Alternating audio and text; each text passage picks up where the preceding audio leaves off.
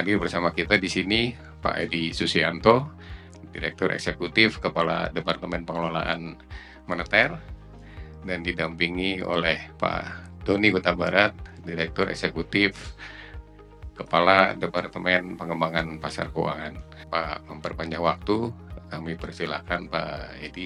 Nanti akan dipaparkan lebih detail, lebih jelas mengenai SRBI ini. Sekuritas rupiah Bank Indonesia ini, uh, filosofis dasarnya adalah tentu tadi di dalam siaran pers atau press conference pasca RDG bulanan, bagaimana kita menciptakan suatu instrumen yang istilahnya rapat Dewan Gubernur itu pro market.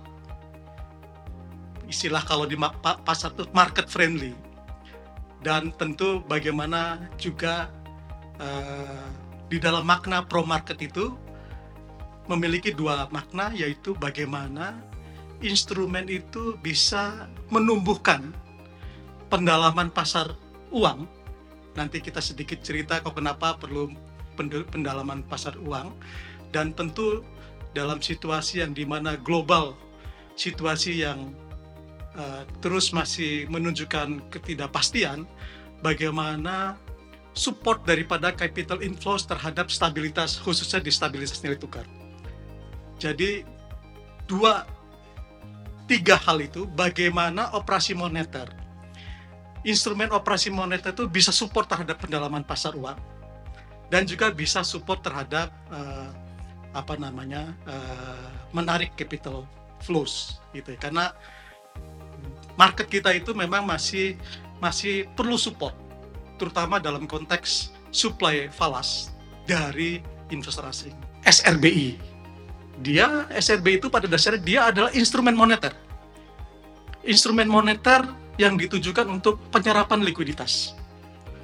Tetapi dia bisa mensupport pasar uang karena bisa diperjualbelikan antar pelaku pasar. Dan cover daripada pemegangnya itu tidak hanya bank, tapi dimungkinkan non bank, baik domestik maupun juga asing, itu ya.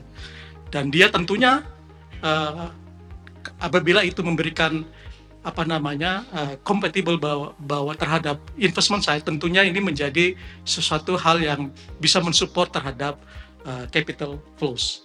Nah, jadi tiga tujuan itu ditampung di dalam satu instrumen yang namanya sekuritas rupiah Bank Indonesia. Biasa kalau kita menyusun suatu instrumen itu selalu melihat dari aspek 3P plus 1I. 3P itu adalah uh, produknya kayak apa, pesertanya siapa, pricingnya bagaimana, dan juga infrastrukturnya seperti apa. Karakteristik tentu denominasinya pasti harus rupiah itu adalah menjadi penting. Dan scriptless tanpa warkat karena sekarang sudah zamannya scriptless dan tenornya pada dasarnya adalah money market tenor. Money market tenor itu artinya dia di bawah 12 bulan. Ya, money market tenor. Tenor apa instrumen pasar uang. Dan tentu metode lelangnya terbuka baik fixed fixed rate maupun juga variable rate. Dia menggunakan underlying SBN yang Bank Indonesia miliki. Kenapa ini harus dipakai underlying? Karena pada dasarnya kita masih berkomitmen bahwa instrumen daripada money market itu tetap dasarnya menggunakan instrumen sekuritas uh, government bondnya yang dimiliki oleh pemerintah. Nah, kemudian uh, sistemnya diskonto karena kecenderungan daripada instrumen money market itu memang uh, lebih banyak uh, menggunakan uh, uh, model diskonto, sebagaimana juga SPN dan sebagainya gitu ya. Dan dulu juga SBI, uh, eh, kalau teman-teman masih ingat, itu pun juga menggunakan model diskonto. Dan tadi yang penting adalah dapat dipindah tangankan di pasar sekunder. Dapat dipindah tangan pada sekunder. Jadi dia adalah bisa mensupport apa namanya uh, uh, pasar uang tadi kepastian daripada likuiditas salah satunya itu adalah dapat dipindah tangankan. Hari ini orang yang memegang SBI katakanlah butuh likuiditas dia bisa diperjualbelikan. Nah, di sisi lain dengan perjualbelikan tadi buat orang-orang yang ingin berinvestasi khususnya di area yang money market pun juga bisa memegangnya. Jadi instrumen itu dapat diperjualbelikan. Nah, instrumen saat ini yang RRSBN kelihatannya hanya bisa kompatibel dengan banking system. Dipindah tangankan, diripokan kembali itu hanya antar bank, tetapi tidak masuk ke dalam area investment side. Kurang kurang masih terlalu mungkin sebut saja agak rigid RRSBN ini untuk bisa dipegang oleh uh, yang sifatnya tujuan-tujuan investasi. Pesertanya adalah sebagaimana yang di tengah, pada dasar adalah bank umum konvensional. Di pasar perdana, tetap yang akses langsung kepada Bank Indonesia itu adalah bank umum konvensional yang menjadi peserta OPT kita, operasi pasar terbuka kita, baik secara langsung atau melalui lembaga perantara. Nah, pasar sekundernya baru boleh dimiliki oleh bank dan non bank. Nah, termasuk di sini adalah uh, penduduk dan uh, bukan penduduk. Pengumuman jadwal dan hasil lelang akan di kita melalui di website Bank Indonesia sebagaimana instrumen-instrumen moneter Bank Indonesia yang lainnya. Seminggu itu akan ada dua kali lelang, yaitu di hari Rabu dan hari Jumat setiap minggunya. Silakan Pak Din. Terima kasih. Mungkin dari saya hanya sedikit menambahkan saja tadi disampaikan Pak Edi sudah sangat lengkap dan komprehensif uh, terkait dengan latar belakang, kemudian uh, mekanisme sampai dengan jadwal lelang yang nampaknya uh, ini adalah sesuatu adalah suatu instrumen yang memang ditunggu oleh pasar. Bahwa tujuan dari uh, penerbitan SRBI ini adalah salah satunya, ya salah satunya adalah untuk mendorong pendalaman pasar uang, ya. Jadi uh, kalau kita lihat di pasar uang kita saat ini uh, ada beberapa yang memang instrumennya itu uh, sepertinya apa namanya menurun terus gitu ya terutama uh, apa namanya NCD kemudian juga beberapa instrumen lainnya itu terus menurun yang sifatnya tradable gitu ya.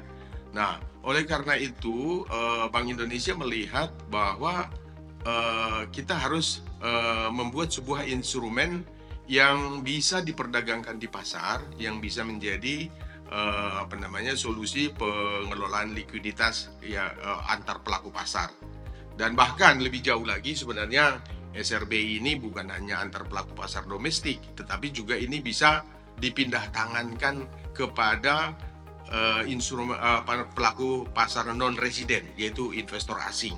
Nah, ini yang memang kita lihat.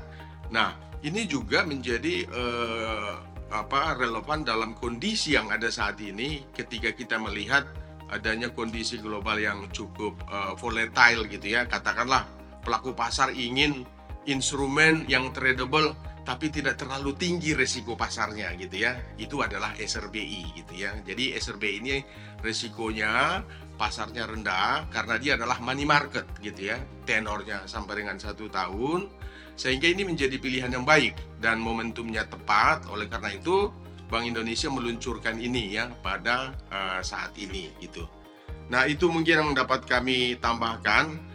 Selainnya uh, barangkali ingin kami mereiterate juga beberapa fitur-fitur yang uh, apa namanya? menarik gitu ya dari fitur yang disampaikan oleh Pak Edi tadi bahwa ini adalah instrumen rupiah yang tradable ya yang bisa diperdagangkan Nah, bisa diperdagangkan kepada domestik, antar pelaku pasar domestik, dan bisa juga diperdagangkan kepada investor asing gitu ya. Jadi ini juga kita sekaligus untuk mencapai tujuan yang kedua ya. Jadi dengan diperdagangkannya ke dia kepada investor non resident, inflow-nya masuk ke Indonesia gitu ya dan kemudian falasnya masuk sehingga harapan kita ini akan menjaga stabilitas nilai tukar.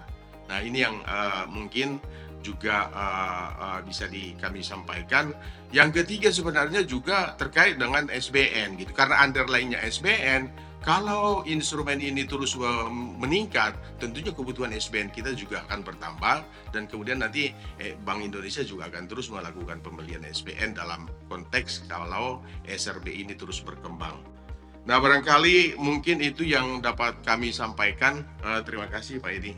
Terima kasih Pak Edi dan Pak Doni. Demikian teman-teman tadi dijelaskan mengenai latar belakangnya, lalu fitur-fiturnya, lalu sebagai instrumen baru di pasar keuangan Indonesia yang yang memberikan opsi pada investor untuk melakukan investasi portfolio di di Indonesia. Terima kasih Pak Edi, Pak Doni. Yang jelas ini instrumen baru yang yang yang market friendly ya, pro market pro market tadi dari fiturnya dari mekanismenya itu juga lebih mudah dari instrumen yang lain sehingga ini berpotensi untuk menarik investor asing gitu ya, ya seperti itu dan dan ini di dijualnya bukan seperti SBN yang teri- pengen target berapa miliar segala macam tapi ini adalah untuk operasi moneter sehingga targetnya ditetapkan ya mingguan tadi ya nanti diumumkan di di website BI Mungkin seperti itu yang bisa kami sampaikan. Eh, terima kasih.